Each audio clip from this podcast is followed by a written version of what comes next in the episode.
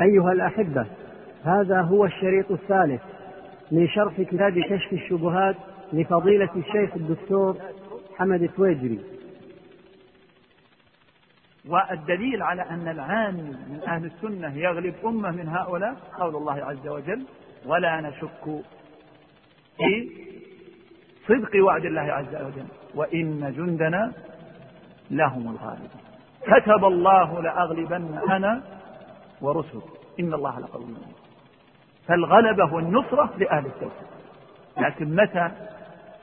إذا صدقوا معهم كما أن الغلبة والنصر لهم في أرض المعركة في الجهاد إذا صدقوا مع الله كذلك الغلبة والنصر لهم في ميدان العلم في ميدان المناظرة في مقابل هؤلاء. لأن هؤلاء ما معهم حجج. ما معهم إلا سفسطة ما معهم إلا كلام يبهرجون به على العامة ولهذا هم من أكثر الناس عداوة لنصوص الوحيين لماذا؟ لأن نصوص الوحيين تبطل ما ذهبوا إليه.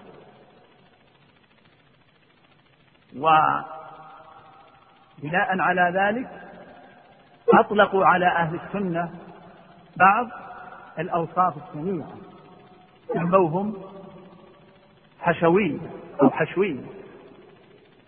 ما معنى حشوية؟ وأول من أطلق هذا الكلام عمرو بن عبيد أطلق على ابن عمر رضي الله عنه. يعني أهل حشو كلام. ما عندهم أصول كما يزعمون. أصول أو قواعد عقلية. ما عندهم إلا قال الله قال الرسول. ونعم بهذا السلاح. العلم قال الله قال قال رسوله قال الصحابة هم أولي الألباب هذا هو العلم حقيقة.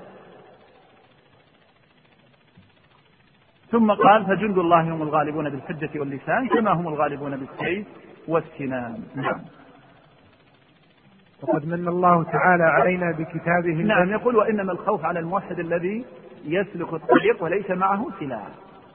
فكما أن الإنسان الذي يدخل ميدان المعركة ولم يتسلح يكون مظنة للهلكة فكذلك الذي يدخل ميدان العلم وليس متسلح بالعلم فإنه سرعان ما ينهزم ويتلاشى أمام هؤلاء.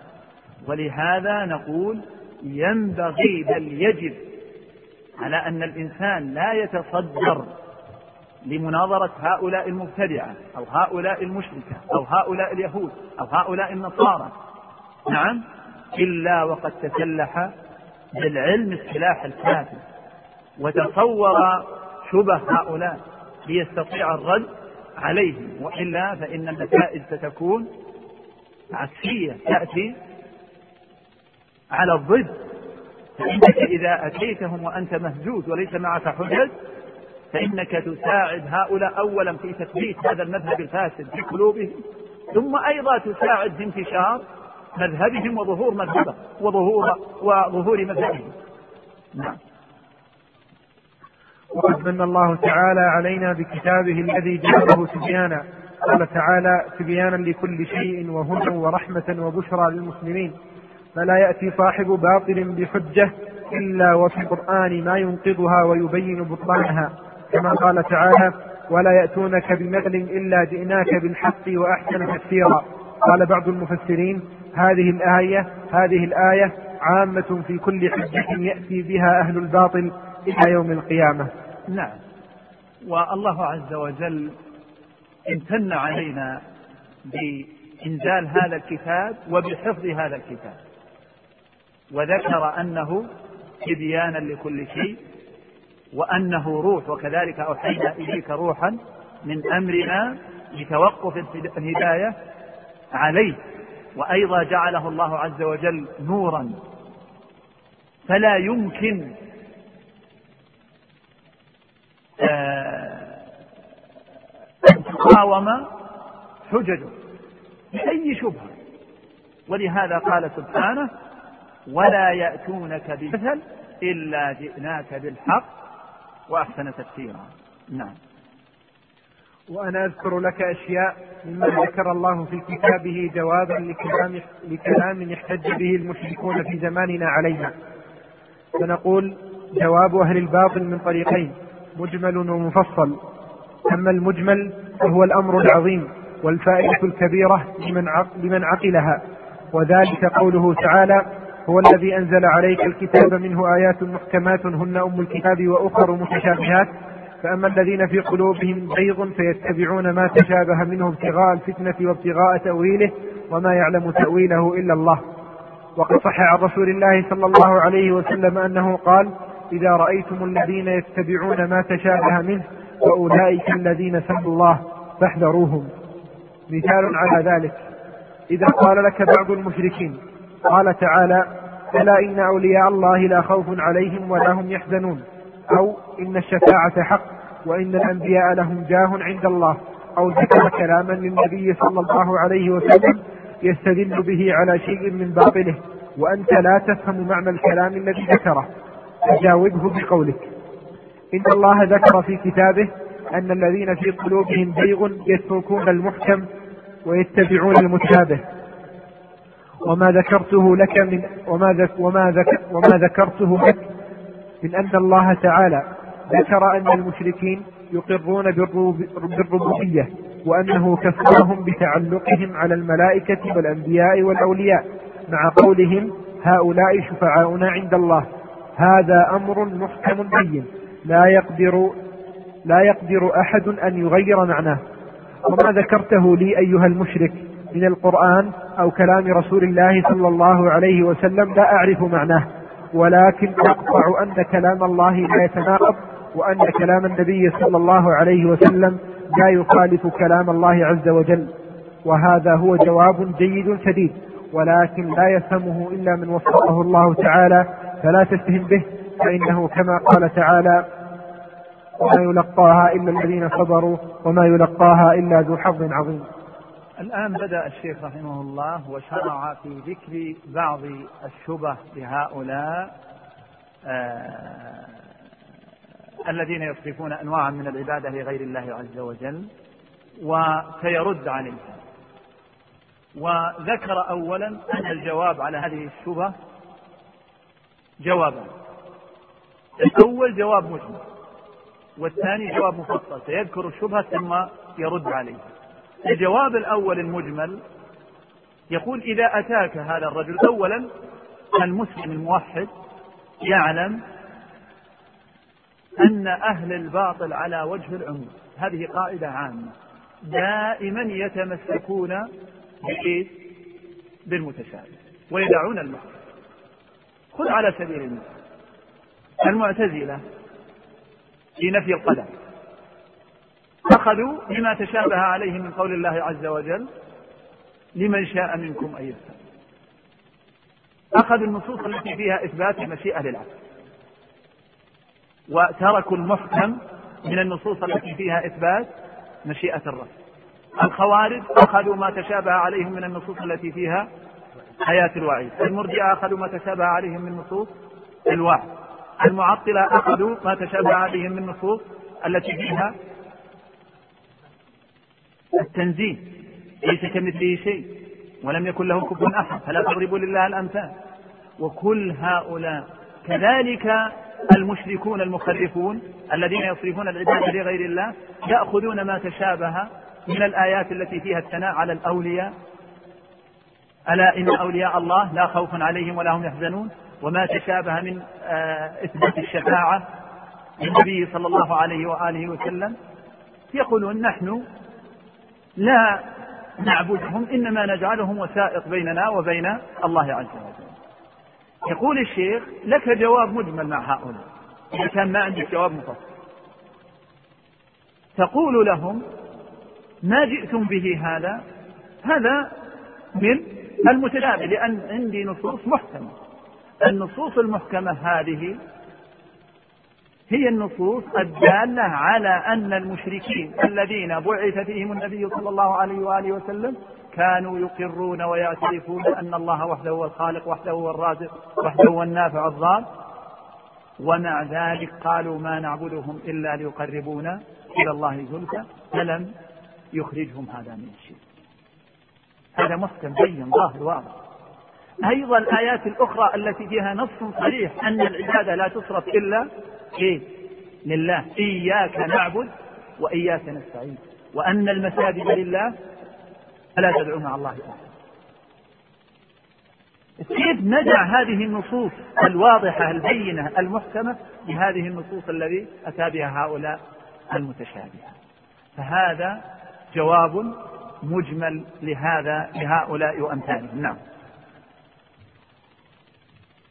وكما ذكر الشيخ يقال له كلام الله عز وجل لا يمكن أن يتناقض. وأيضا كلام الرسول لا يمكن أن يناقض كلام الله عز وجل. فعندي هذه الآيات المحكمة البينة الواضحة والأحاديث البينة الواضحة فأنا آخذ بها. أما هذه النصوص التي أتيت بها فأنا ما أدري ما المراد بها. ورب يعني يقال له يمكن أن يرجع لأهل العلم في ذلك. إنما أنا أتمسك بماذا؟ بالمحكم. الواضح البين نعم. وأما الجواب المفصل فإن أعداء الله لهم اعتراضات كثيرة على دين على دين الرسل ويصدون بها الناس عنه. منها قولهم نحن لا نشرك بالله بل نشهد أنه لا يخلق ولا يرزق ولا ينفع ولا يضر إلا الله وحده لا شريك له. وأن محمدا صلى الله عليه وسلم لا يملك لنفسه نفعا ولا ضرا فضلا عن عبد القادر أو غيره. ولكن أنا والصالحون لهم جاه عند الله وأطلب من الله بهم فجاوبه بما تقدم. وهو أن الذين قاتلهم رسول الله صلى الله عليه وسلم مقرون بما ذكر ومقرون أن أوثانهم لا تدبر شيئا وإنما أرادوا الجاه والشفاعة. واقرأ عليه ما ذكر الله في كتابه ووضح نعم هذه الشبهة الأولى. الشبهة الأولى التي يريدها هذا الذي يصرف العبادة لغير الله يقول أنا لست بمشرك. بل أشهد أنه لا يخلق ولا يرزق ولا ينفع ولا يضر إلا الله عز وجل. النبي صلى الله عليه وآله وسلم لا يملك لنفسه نفعا ولا ضرا فضلا عن غيره. فضلا عن الشيخ عبد القادر وغير الشيخ عبد القادر. سيدة زينب الحسين فلان وفلان. هؤلاء لا ينفعون أنفسهم ولا يضرون فضلا أن يملكوه لغيرهم. إذا ما تصنع أنت؟ قال أنا فقط أجعلهم واسطة بيني وبين الله. أريدهم يشفعوا لي عند الله عز وجل. الجواب قل له هذا قول أو عين قول المشركين الذين كفرهم النبي صلى الله عليه وسلم. ما كانوا يعتقدون في أصنامهم ومعبوداتهم أنها تنفع وتضر من دون الله. قل من يرزقكم من السماء والأرض من يملك السمع والأبصار ومن يخرج الحي من الميت ويخرج الميت من الحي ويدب ومن يدبر الأمر؟ إيه؟ فسيقولون الله. هم يعتقدون أن النفع والضر بيد الله عز وجل. وإنما قالوا إيش ما نعبدهم إلا لله. هذا عين قوله وهذا هو عين الشرك الذي قاتلهم عليه النبي صلى الله عليه وسلم. نعم. فإن قال هؤلاء الآيات نزلت في من يعبد الأصنام. كيف تجعلون الصالحين مثل الأصنام؟ أم كيف تجعلون الأنبياء أصناما؟ أجاوبه بما تقدم. فإنه إذا إذا أقر أن الكفار يشهدون بالربوبية كلها لله بالربوبية كلها لله وأنهم ما أرادوا ممن قصدوا إلا الشفاعة ولكن أراد الله أن يفرق بين فعلهم ولكن أراد الله أن يفرق بين فعلهم وفعله. بما ذكر أذكر له أن الكفار منهم من يدعو الأصنام ومنهم من يدعو الأولياء الذين قال الله فيهم أولئك الذين يدعون يبتغون إلى ربهم الوسيلة أيهم أقرب؟ الآية. ويدعون عيسى مريم وأمه. وقد قال تعالى المسيح ابن مريم إلا رسول قد خلت من قبله الرسل وأمه صديقة كانا يأكلان الطعام انظر كيف نبين لهم الآيات ثم انظر أنا يؤفكون. قل أتعبدون من دون الله ما لا يملك لكم ضرا ولا نفعا؟ والله هو السميع العليم. نعم. إذا اعترض هذا الشخص وقال آه هذه الآيات التي ذكرتوها نزلت في من؟ في من يعبد الأصنام الأشجار الأحجام كيف تجعلون هذه الآيات التي نزلت في من يعبد الأصنام تنزلونها على من؟ على من يدعو الأولياء ويتقرب لهؤلاء الأنبياء والملائكة. فيقال له جوابا الجواب الأول ما ذكره الشيخ أن هؤلاء الذين نزلت فيهم الآية منهم من يعبد الأصنام ومنهم من يعبد الملائكة.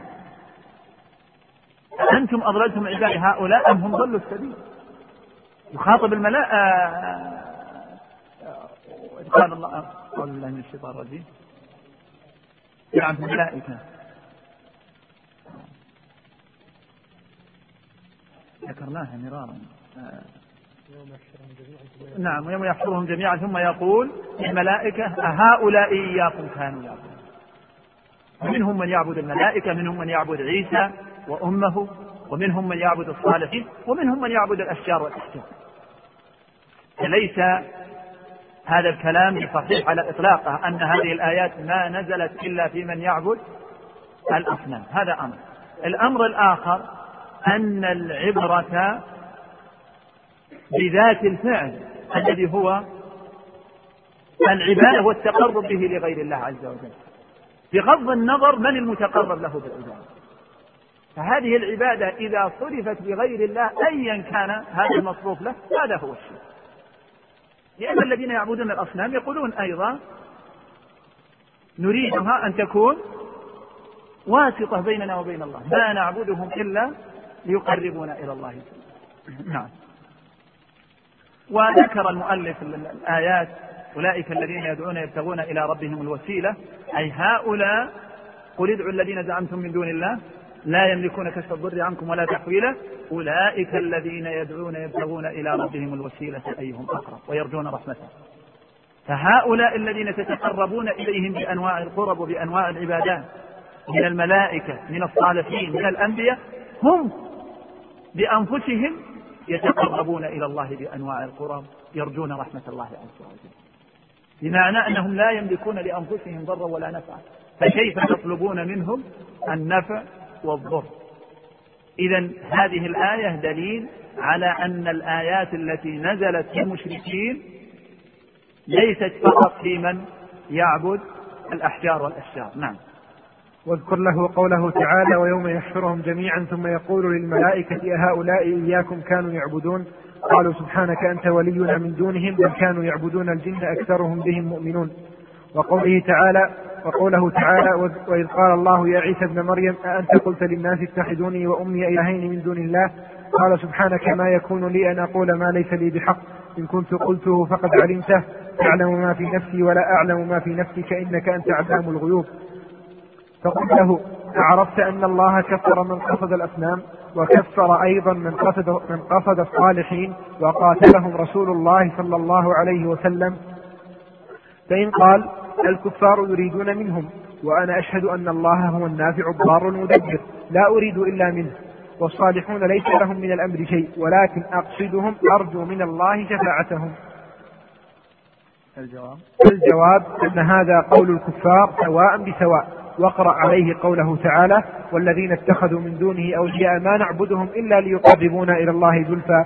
وقوله تعالى وقوله تعالى ويقولون هؤلاء شفعاؤنا عند الله.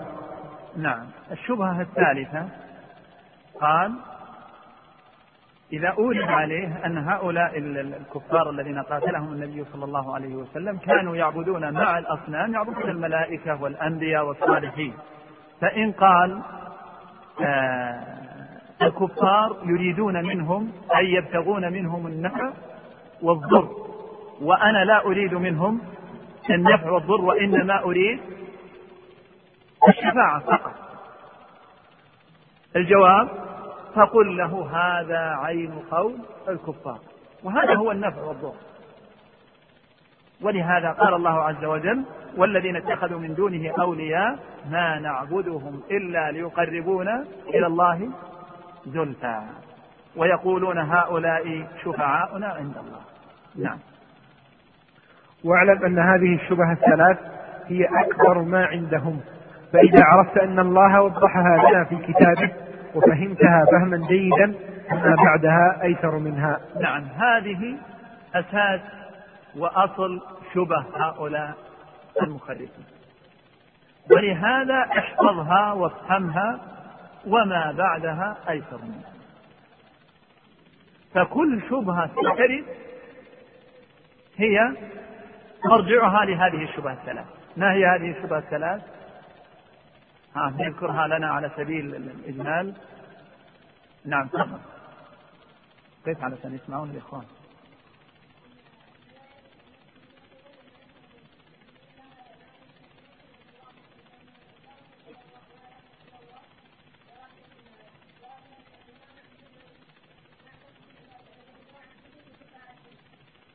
جيد لا ما أريد الرد أنا أريد الشبهة فقط.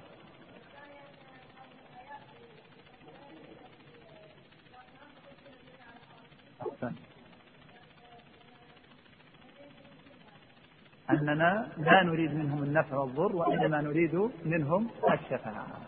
فهذه هي زبدة وخلاصة شبه القول. نعم. فإن قال أنا لا أعبد إلا الله وهذا الالتجاء إليهم ودعاؤهم ليس بعبادة. فقل له أنت تقر أن الله افترض عليك إخلاص العبادة لله وهو حقه عليك.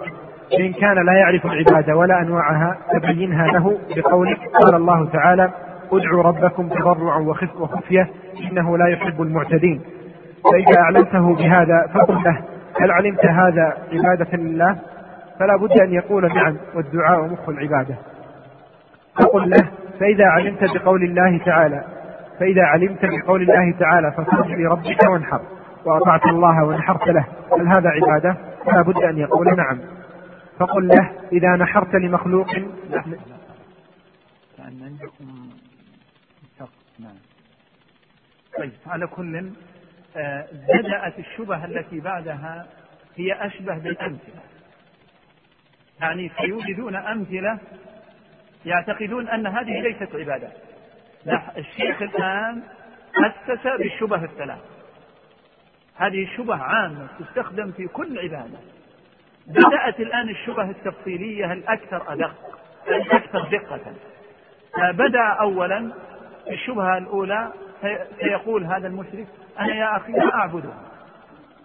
لا أتقرب لهم بالعبادة وإنما أدعوهم وألتجئ إليهم يعني كأنه فهم أن العبادة شيء آخر فالآن الذي عليك ما هو؟ أن تبين له أن الدعاء عبادة. فإذا تبين له أن الدعاء عبادة عند ذلك نرجع إلى الأصل أن صرف العبادة لغير الله لهذا قال الشيخ تقول له أنت تقر أن الله افترض عليك إخلاص العبادة لله وهو حقه عليك فإنه لا يعرف العبادة ولا أنواعها.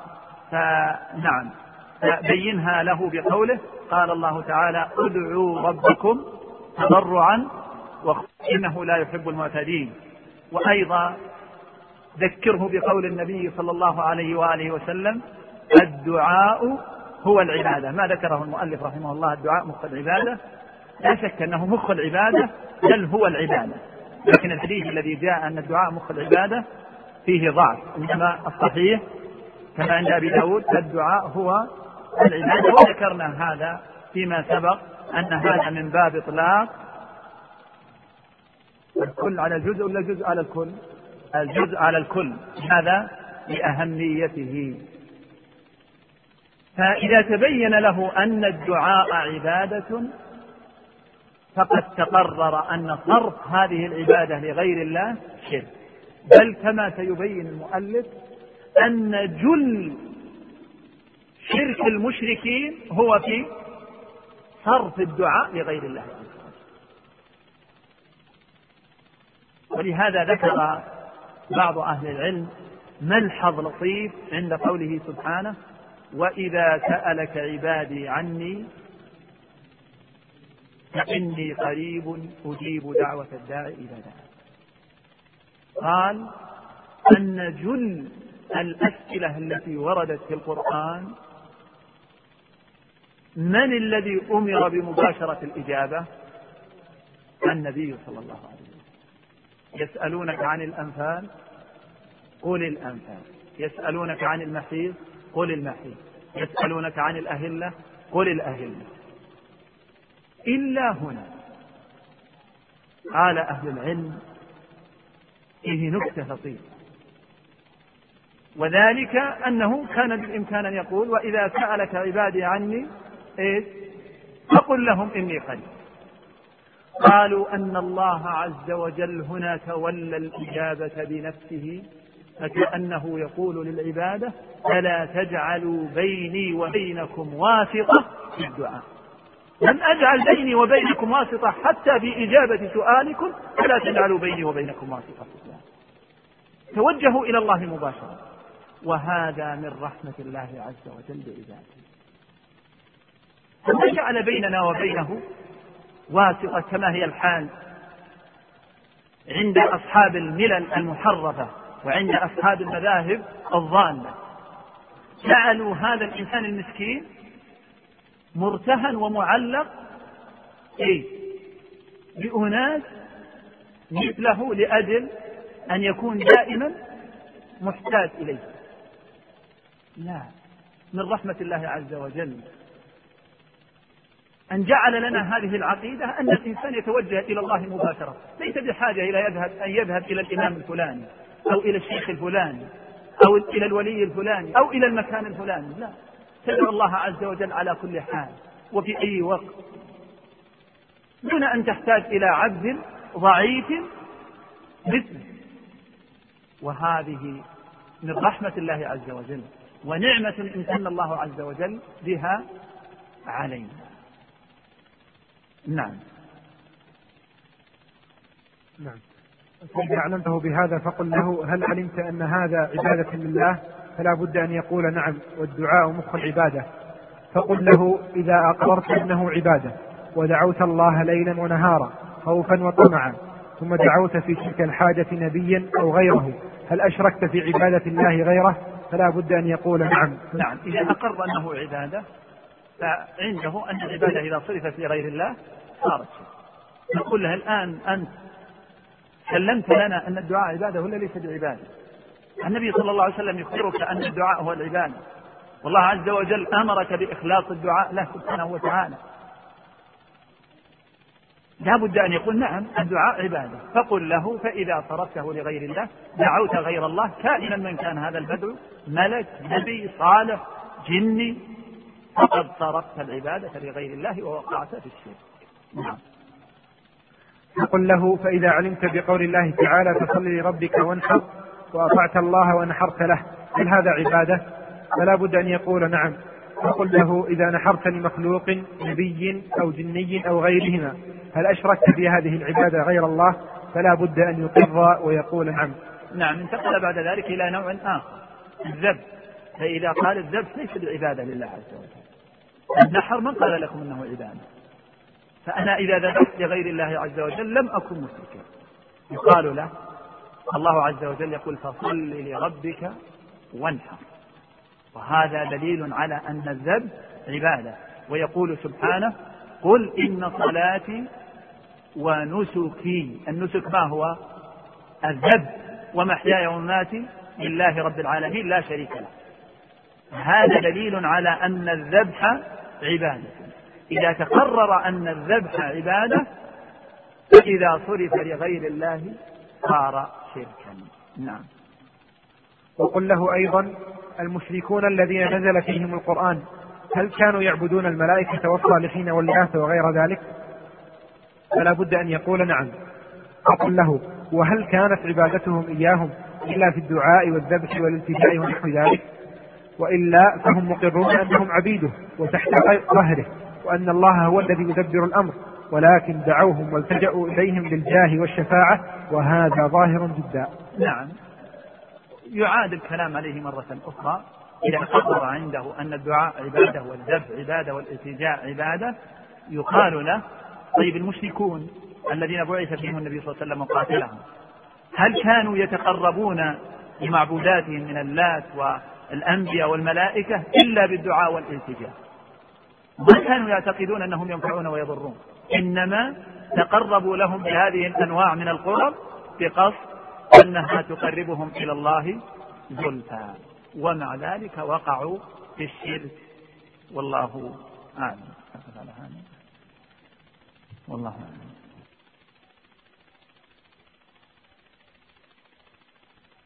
ولهذا لن تجد عند القوم سوى هذه الشبهة. فافهمها واحفظها وأنت بذلك تتسلح بإذن الله بهذا السلاح الذي تواجه به هؤلاء المخرفين جميعا. فكل من صرف عبادة لغير الله سواء لملك أو نبي أو ولي أو صاحب ضريح أو جندي أو ملك لن تجد عنده أكثر من هذه الشبهة التي يذكرها الشيخ. يقول فإن قال هذا المشرك قال يخاطبك أيها السني يقول أتنكر شفاعة النبي صلى الله عليه وآله وسلم؟ الجواب لا ولا شك. شفاعة النبي صلى الله عليه وآله وسلم ثابتة بالكتاب والسنة والإجماع وله شفاعات ليس له فقط شفاعة واحدة. له شفاعات ثابتة يوم القيامة. إذا فقل له أنا لا أنكرها ولا أتبرأ منها بل هو الشافع المشفع صلى الله عليه وسلم. هو أورد هذا الكلام لماذا؟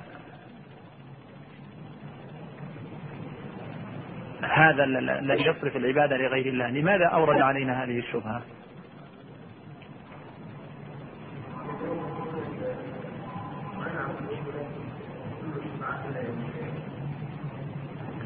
يعني يقول ما دمت أنت الذي تنكر عليه تثبت أن النبي صلى الله عليه وسلم له الشفاعة فأنا أطلب منه الآن الشفاعة. أريد منه أن يشفع لي عند الله عز وجل. هذا مقصود بهذا الكلام. فهو الآن يوجد عليك ويقول لك ألست تثبت الشفاعة؟ بلى أثبتها. وليس عندي أدنى شك في ثبوتها. إذا ما المانع أني أطلبها منه الآن؟ يقول المؤلف ولكن الشفاعة كلها لله تعالى. هي ثابتة للنبي صلى الله عليه وسلم لكنها لمن؟ لله. قل لله الشفاعة جميعا. وهذه الشفاعة لها شروط. الله عز وجل لما أثبتها لنبيه صلى الله عليه وسلم وأثبتها لغير نبيه. أثبتها للملائكة أثبتها للمؤمنين أثبتها لسائر الأنبياء أثبتها للأفراد. نعم. آه جعل لها شروطا. لم يجعلها هكذا مطلقة الشرط الأول ما هو؟ الإذن. إذن الله عز وجل للشافع أن يشفع. الدليل على ذلك؟ من ذا الذي يشفع عنده إلا بإذنه. هذا والإذن الآن أذن للنبي صلى الله عليه وسلم لا لم يؤذن له الآن. أثبت الله عز وجل له الشفاعة لكن إلى الآن ما جرى الإذن. ولهذا إذا طلب الناس منه الشفاعة يوم القيامة هل مباشرة يشفع؟ لا يستأذن الله عز وجل. فآتي فأسجد تحت العرش. ويفتح الله عز وجل كما كما في صحيح البخاري علي من المحامد ما لا أحسنه الآن. يعني يثني على الله عز وجل. ويحمده سبحانه وتعالى. وهنا فيه ملمح وإن كانت مسألة جانبية لكن لا بأس أن ننبه عليها. ينبغي للمسلم إذا سأل الله عز وجل من آداب الدعاء ذكر أهل العلم بل ذكرها النبي صلى الله عليه وسلم أن يقدم بين يدي دعائه الثناء على الله عز وجل. ولله المثل الأعلى. إذا جئت إلى أمير وإلى ملك أو كبير تطلب منه حاجة أو أمرا ألست تقدم أمام حاجتك هذا الثناء على هذا الرجل؟ وإلا لا ولله المثل الأعلى. فيقال لي ارفع رأسك وسل تعطى واشفع تشفع. يؤذن لها الآن.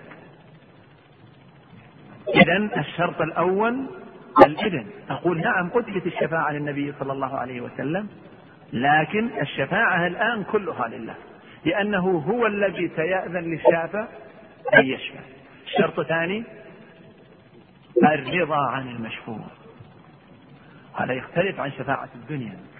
شفاعة الدنيا هم من أين أتوا لما قاتوا الله إيش؟ على خلقه قالوا ألسنا إذا احتجنا حاجة عند ملك أو عظيم؟ ألسنا نستشفع بأحد المقربين عنده؟ أحد الوزراء أحد الجند أحد أبنائه أقاربه لأجل يشفع لنا في حاجتنا؟ قالوا كذلك الله عز وجل. قلنا يختلف الأمر. أنتم هنا شبهتم الله عز وجل بخلقه. في الدنيا الشافع يشفع ولو لم يأذن. المشفوع عنده. أحيانا يأتي هذا الوزير يشفع لشخص والأمير ما كان يرغب ولا يحبذ أن يشفع لفلان. ثم أيضا هذا الأمير وهذا العظيم قد يشفع هذا الشخص في هذا الشخص وهو لا يرضى عن ذاك الشخص المشفوع له. إنما آه، مجاملة أو رغبة أو رهبة أو جبر خاطر لهذا الذي وكل هذا لا ينطبق على الشفاعة المنسوبة لله عز وجل. ولهذا الشرط الثاني رضا الله عز وجل عن المشفوع له. ومن قال لك أيضا أنك مرضي عنه الدليل ولا يشفعون إلا لمن ارتضى. إذا يقول المؤلف آه نعم. فقل لا أنكرها ولا أتبرأ منها. نعم نثبتها كما أثبتها الله عز وجل وأثبتها نبيه صلى الله عليه وسلم. بل من حقوقه علينا أن نثبت له هذه الشفاعة. وشفاعته صلى الله عليه وسلم منها ما هو خاص به ومنها ما هو مشارك لغيره فيها أو غيره مشارك له فيها. فما هي الشفاعات الخاصة به ذكرناها في درس الصباح. نعم. ما هي الشفاعات الخاصة به؟ ثلاث شفاعات. الشفاعة العظمى وشفاعته لعمه. لا هذه من الشفاعة المشتركة. والشفاعة في دخول أهل الجنة للجنة. هذه الشفاعات خاصة به عليه الصلاة والسلام أما ما عداها فيشاركه فيها غيره من الملائكة من الأولياء من, من الأبناء من الوالدين. فكل هؤلاء يشارك النبي صلى الله عليه وسلم. الشفاعة لأهل الكبائر أن يخرجوا من النار أو الشفاعة لأناس استحقوا دخول النار أن لا يدخلوها. يقول بل هو صلى الله عليه وسلم الشافع المشفع وأرجو شفاعته ولكن الشفاعة كلها لله تعالى كما قال تعالى قل لله الشفاعة جميعا ولا تكون هذا الشرط الأول إلا بعد إذن الله كما قال تعالى من ذا الذي يشفع عنده إلا بإذنه ولا يشفع النبي صلى الله عليه وآله وسلم في أحد إلا بعد أن يأذن الله فيه. كيف تطلب منه الشفاعة الآن؟ والله عز وجل ما أذن للنبي صلى الله عليه وسلم أن يشفع فيك أو في غيره كما قال تعالى ولا يشفعون إلا لمن ارتضى وهو سبحانه لا يرضى إلا التوحيد أعظم الأعمال التي تكون سببا لشفاعة النبي صلى الله عليه وسلم ما هو؟ التوحيد. وأنت لست بموحد. لأن أعظم ذنب عصي به الله عز وجل الشرك. وأخبر الله عز وجل أن المشرك لا تناله الشفاعة كائنا من كان. قوله سبحانه ها لا فما تنفعهم شفاعة الشافعين. لا ينتفعون بشفاعة الشافعين هؤلاء المشركين. فأنت إذا أردت الشفاعة وطمعت في شفاعة النبي صلى الله عليه وسلم وغيره فعليك أن تخلص التوحيد لله عز وجل. ولهذا سأل أبو هريرة كما في حديث البخاري سأل النبي صلى الله عليه وسلم من أسعد الناس بشفاعتك يوم القيامة؟ ماذا قال؟ من قال لا إله إلا الله خالصا من قلبه. لم يقلها ويشرك مع الله عز وجل. فأسعد الناس بشفاعة النبي صلى الله عليه وسلم وهم أرجى الناس بشفاعة النبي صلى الله عليه وسلم من قدموا على الله عز وجل وهم مخلصون له في العبادة كونك تدعو غير الله عز وجل وترجو الشفاعة هذا مستحيل. تذبح لغير الله وترجو الشفاعة مستحيل. ما وحدت الله عز وجل. يقول كما قال تعالى ومن يبتغي غير الإسلام دينا فلن يقبل منه. فإذا كانت الشفاعة كلها لله ولا تكون إلا من بعد إذنه ولا يشفع النبي صلى الله عليه وسلم ولا غيره في أحد حتى يأذن الله فيه ولا يأذن الله إلا لأهل التوحيد تبين لك أن الشفاعة كلها لمن؟ لله عز وجل. فتطلب ممن؟ من الله عز وجل. لا تطلبها ممن لا يملكها. فالنبي صلى الله عليه وسلم وغيره من باب أولى لا يملكون الشفاعة. الذي يملك الشفاعة هو الله عز وجل. ولهذا يهبها لمن يشاء ويأذن أو بعد رضاه عن المشفوع له يقول فالأولى بدل أن تتوجه بدعائك للنبي صلى الله عليه وسلم توجه بالدعاء إيش؟ لمن يملك الشفاعة الحقة. توجه بالدعاء إلى الله عز وجل. ارفع رأس يديك وقل اللهم شفع في نبيك. هذا هو الدعاء المشروع وهذا هو العمل المشروع وهذا هو الذي يوافق التوحيد, الخالص. اسأل الله عز وجل أن يشفع فيك نبيه صلى الله عليه وسلم. نعم. قال رحمه الله فإن قال النبي صلى الله عليه وسلم أعطي الشفاعة وأنا أطلبه مما أعطاه الله.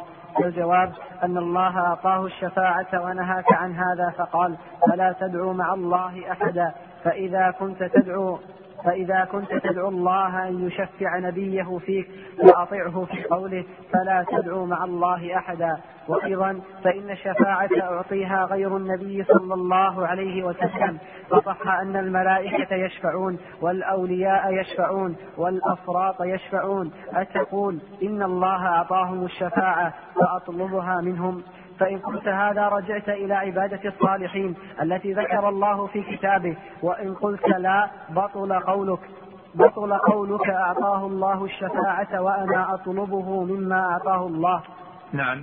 فإن اعترض هذا الذي يصرف العبادة للنبي صلى الله عليه وسلم أو لغيره من الأولياء. فقال النبي صلى الله عليه وسلم أعطاه الله الشفاعة. وأنا أطلب ممن أعطاه الله عز وجل فالجواب قل الذي أعطاه الشفاعة أمرك بإيش؟ بإخلاص العبادة له. فقال وأن المساجد لله فلا تدعو مع الله أحد. لا تدعو لا ملك ولا نبي ولا ولي أخلص الدعاء لله. فكيف تدعو النبي صلى الله عليه وسلم؟ أليس هو الذي أعطاه الشفاعة وهو الذي أمرك بإخلاص العبادة؟ ثم أيضا لك جواب آخر. هل الشفاعة فقط أعطيها النبي صلى الله عليه وسلم؟ الجواب لا. ثبت في الصحيح أن الله عز وجل أعطى الشفاعة النبي صلى الله عليه وسلم وأعطاها الملائكة وأعطاها المؤمنين وأعطاها الأفراد. الفرد المولود الذي يتوفى قبل وفاة والديه وقبل البلوغ. الله عز وجل آه، جعل هؤلاء شفعاء لآبائهم ولهذا في الدعاء لهؤلاء ماذا نقول؟ الثابت عن النبي صلى الله عليه وسلم وشفعه فيهما أي في والديه فإذا كانت ثابتة للنبي صلى الله عليه وسلم ولغيره فلماذا لا تطلبها من غيره؟ لماذا لا تطلبها من الملائكة؟ فإن قلت نعم أطلبها من غيره دعوت غير الله.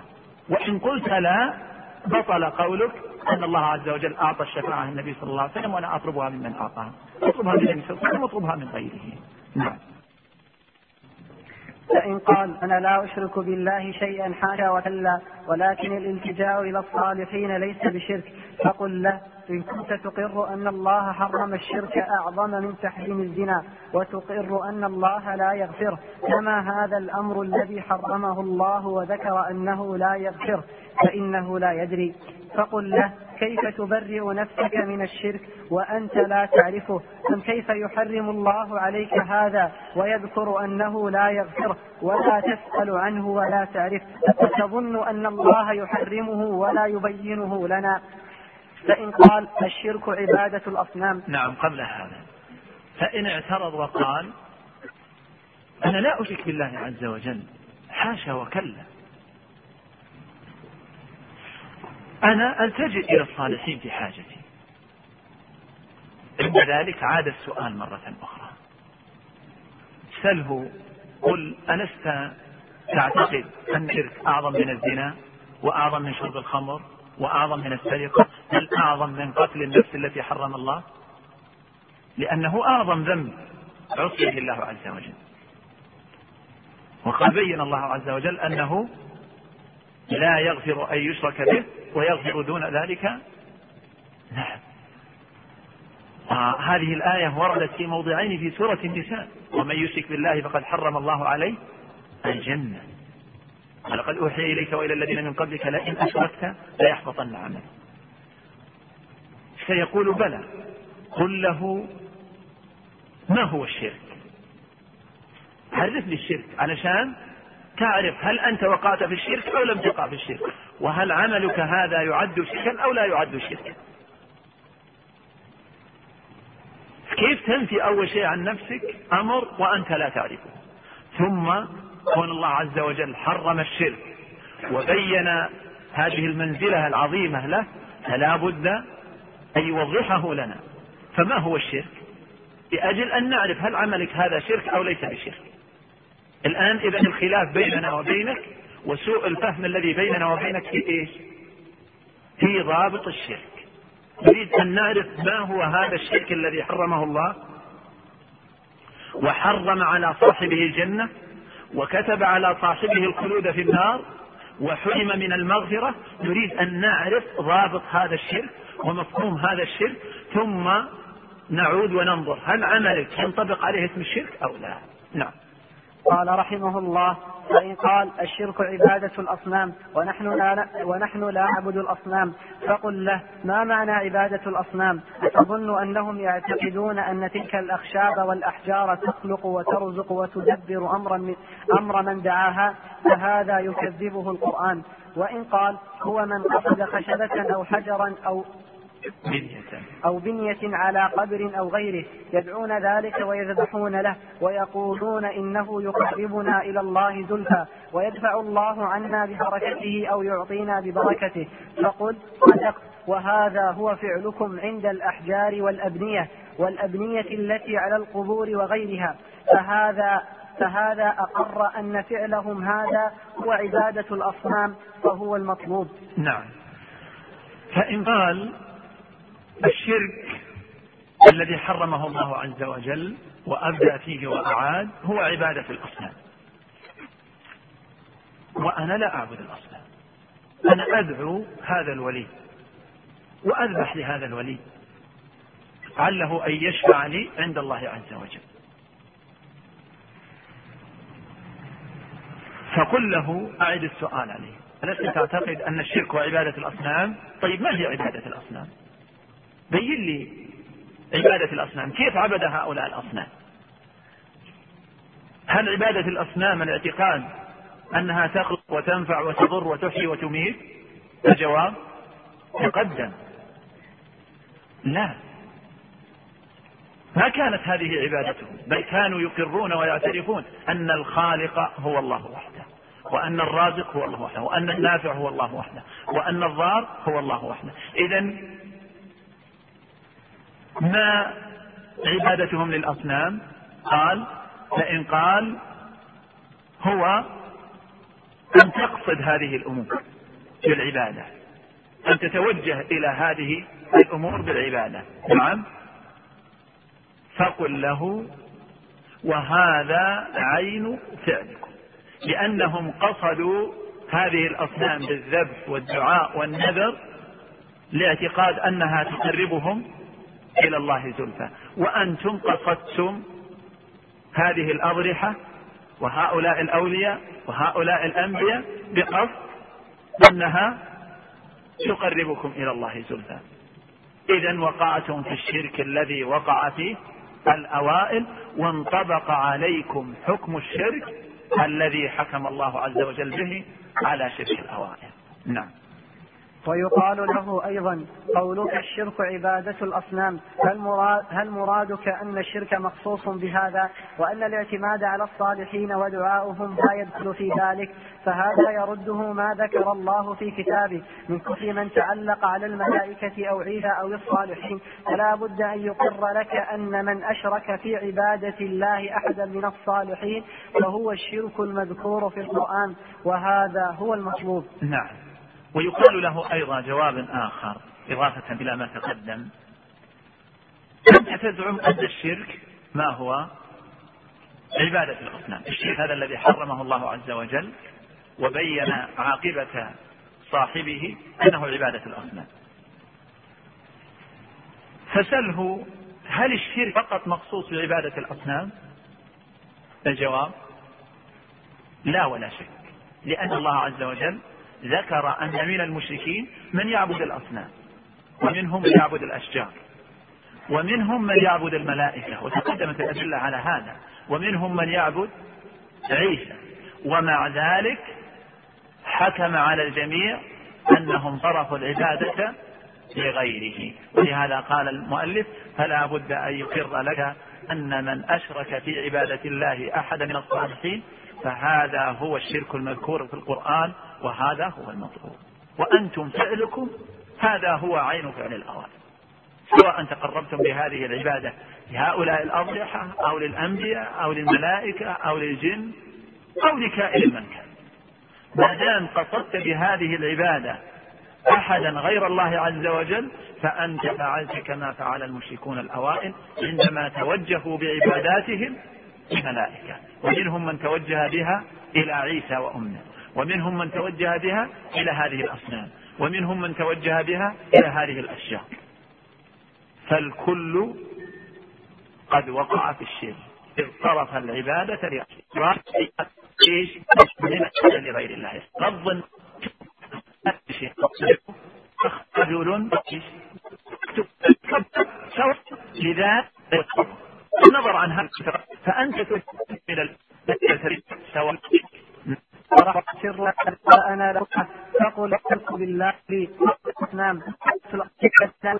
بيت الله لي بما بيتان نعم مجمل.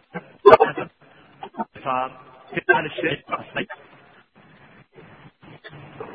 فإن له أيضا. علشان صعبة بين تقرب فبذلك ذلك الامر ولأن هي لا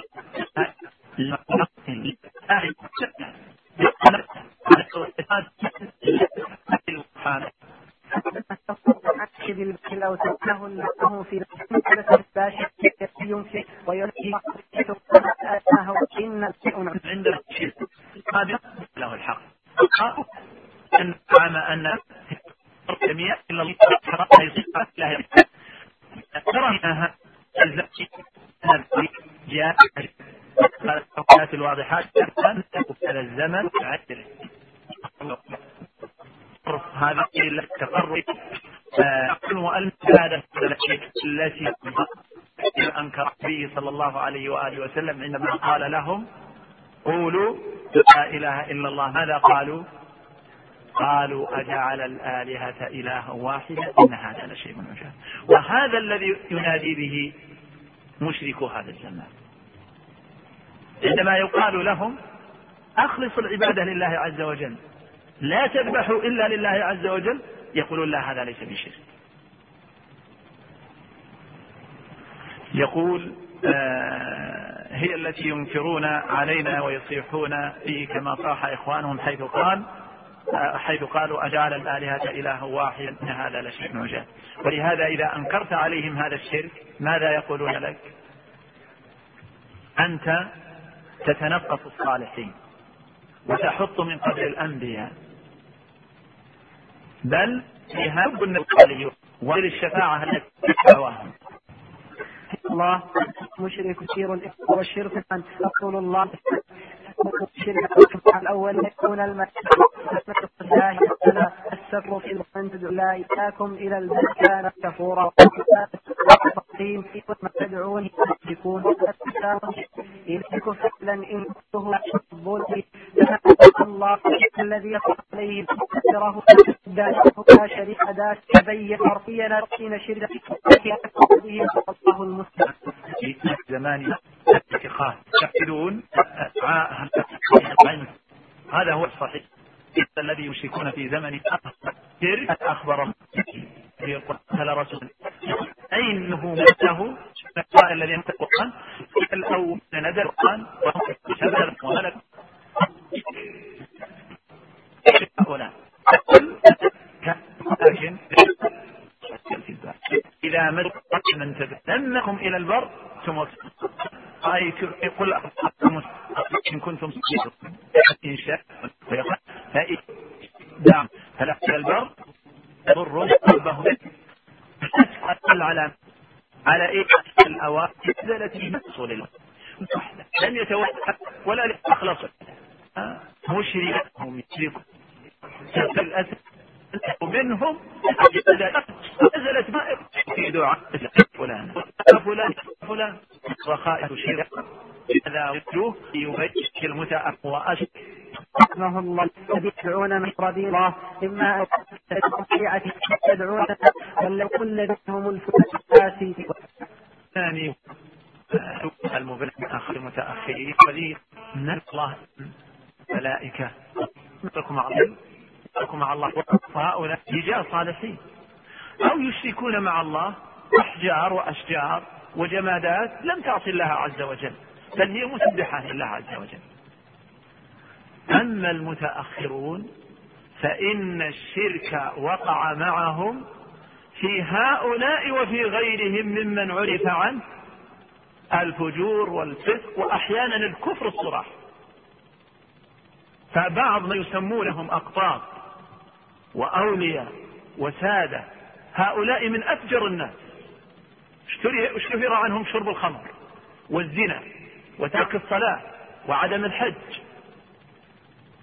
وما يتأولون قول الله عز وجل واعبد ربك حتى يأتيك اليقين.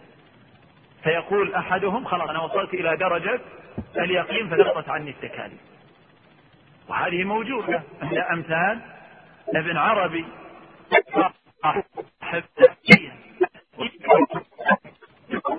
الله ومن يعظمها في الأولياء إليه قربان وينذر كيف بهم.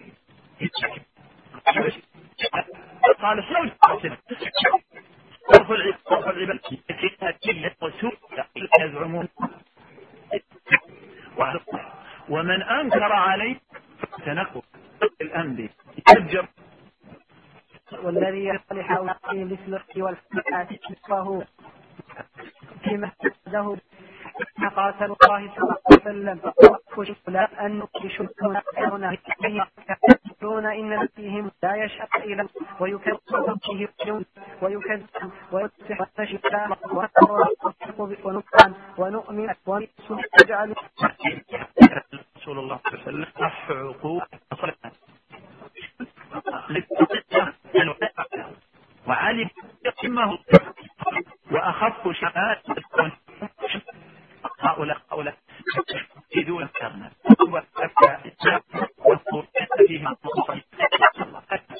ولا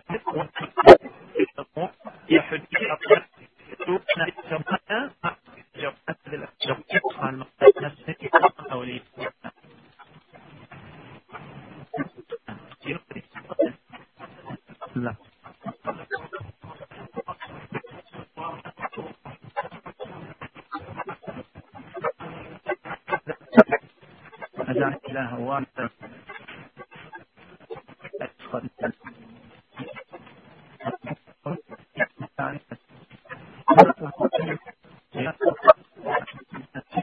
أن تكون هذه الزيادة في بعض النسخ الخطية دون بعض.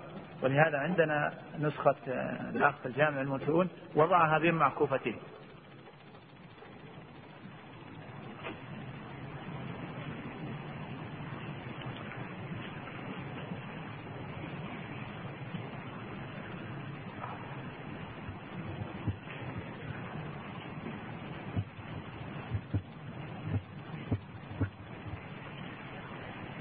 نعم في الكلام هذا إذا ثبت أنه شرط لابد من التحقق من ذلك. على كل يقول فإن قال إنهم لا يكفرون بدعاء الملائكة والأنبياء وإنما يكفرون لما قالوا الملائكة بنات الله.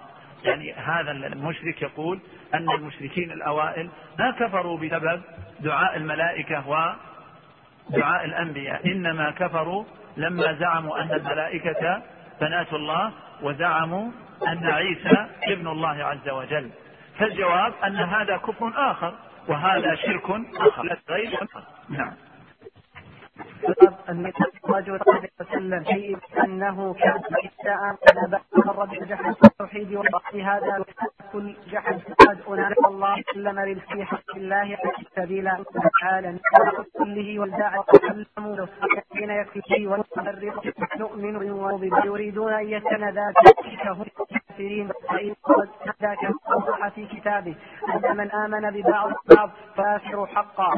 هي الفها بعض في ذكر الذي أعطينا الجواب التي الذين المشركين الرسول ولم يصير ولم يحول شيء من يقولون الا الله امره يسير ليس متوقع امن بالنبي صلى الله عليه وسلم ببعضه كافر النبي امن بالنبي يعتبر أنا بالادعان هل يعتبر مؤمن؟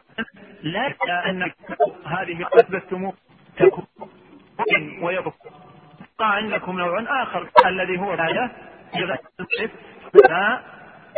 أن الرسول صدق رضي الله عليه وسلم كتبه فإنه في هذا. هؤلاء ما جاء به فلا تصدقوه لكنهم عبادة لله.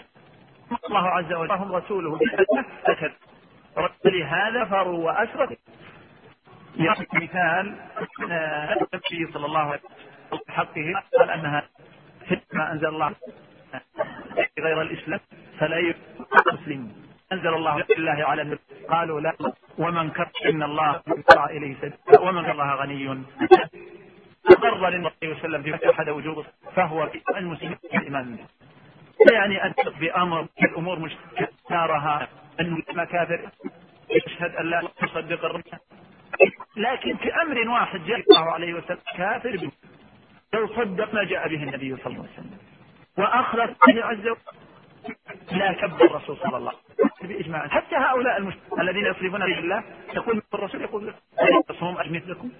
صليتم وهذه الشهادة. لأنكم دون أن ت... نعم لو فهمت لأخلص الله عز وجل. يكون الأخ لما لما قولوا لا إله قالوا أجعل أيضا يقر أن ما الرسول صلى في شيء وجحد أنه لا حلال. كذلك إذا أقر بذلك لو جحد صدق بذلك لا تستأتي وقت القرآن لمنا لأن النبي صلى الله عليه وسلم كالصلاة الصوم والحج إذا جحد كفر بكل به الرسول صلى الله عليه وسلم. الله الجهل. سواء أن جحد ولا صار في ألا وجوب الزنا؟ تحريم بالضرورة إجماع المسلمين. أن الذي هو أذى عين التناقض ينكرون هذه أعظم في النبي وسلم. أمر أمر سبحانه وتعالى. والزكاة. سبحان الله. نحن آية تجد سورة وفيها الدليل أن أن القرآن أول فيه آياته في فلكه. ما أمر عما أو عاقبة تمسك القرآن جميع القرآن من أوله ماذا هذا الأمر. الله أيضا أصحاب رسول الله عليه قد أسلموا صلى الله عليه وهم يشهد لا إله إلا الله محمد راه صلى الله عليه وسلم يؤذنون فإن سنة هذا. إذا رسولا وسلم قبل ما لم ولا فكيف الإنسان؟ أو نبيا جبار الأرض. ما شاء الله يعلمون. نعم يقال لهم أيضا أليس أصحاب النبي صلى الله عليه وسلم أجمعوا على قتال أتباع مسيلة وهم يشهدون الله يؤمنون ويطمع أصحاب النبي صلى الله عليه وسلم استباحوا دماءهم وأموالهم فإن قال أن أصحاب النبي صلى الله عليه وسلم قاتلوا أصحاب مسيلمة لماذا؟ ليش؟ لأنهم زعموا أن مسيلمة نبي يعني رفعوا مسيلمة إلى درجة ماذا؟ إلى درجة النبي صلى الله عليه وسلم. فكفرهم الصحابة وقاتلوهم. فكيف بمن رفع درجة هذا النبي؟ بل هذا الصالح؟ بل هذا الفاجر؟ إلى درجة من؟ إلى درجة الله عز وجل. هذا ما يكفر والذي رفع در... مسيلمة إلى درجة النبي صلى الله عليه وسلم يكفر؟ هذا تناقض. فإذا كان أصحاب النبي صلى الله عليه وسلم قاتلوا أصحاب مسيلمة لأنهم زعموا أن مسيلمة كان نبي فمن رفع درجة مخلوق إلى درجة الخالق فهو أحرى وأولى بالقتال وأحرى وأولى بالكفر والشرك. نعم. أما ذكرها أهل العلم قرب في منظر وكان لأنها كان عنوان الشيخ محمد. يقول الذين حرمت الله عنه كله من من الحلي من كمثالها فكيف تأتيهم قاد كمثاله ورفع قال الله يكفر نعم. هذا أيضا أصحاب النبي صلى الله عليه وسلم شيء رسالة عبد الله بن سبع هم مذهبة وهم في التحريق قوله صلى الله عليه وسلم انه هذه القتلة الشنيعة. هذا اعتقدوا أن كان هؤلاء من عليه قاتل في الله الذي كتب لا الا من بلدان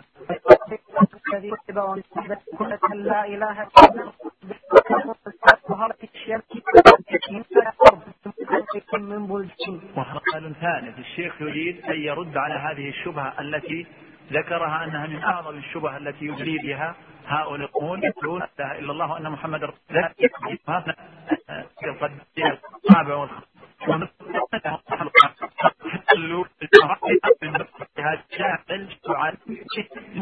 انهم شرع المعلوم بالضبط ولهذا الشريعه هذا حرب هو المسلم لعلنا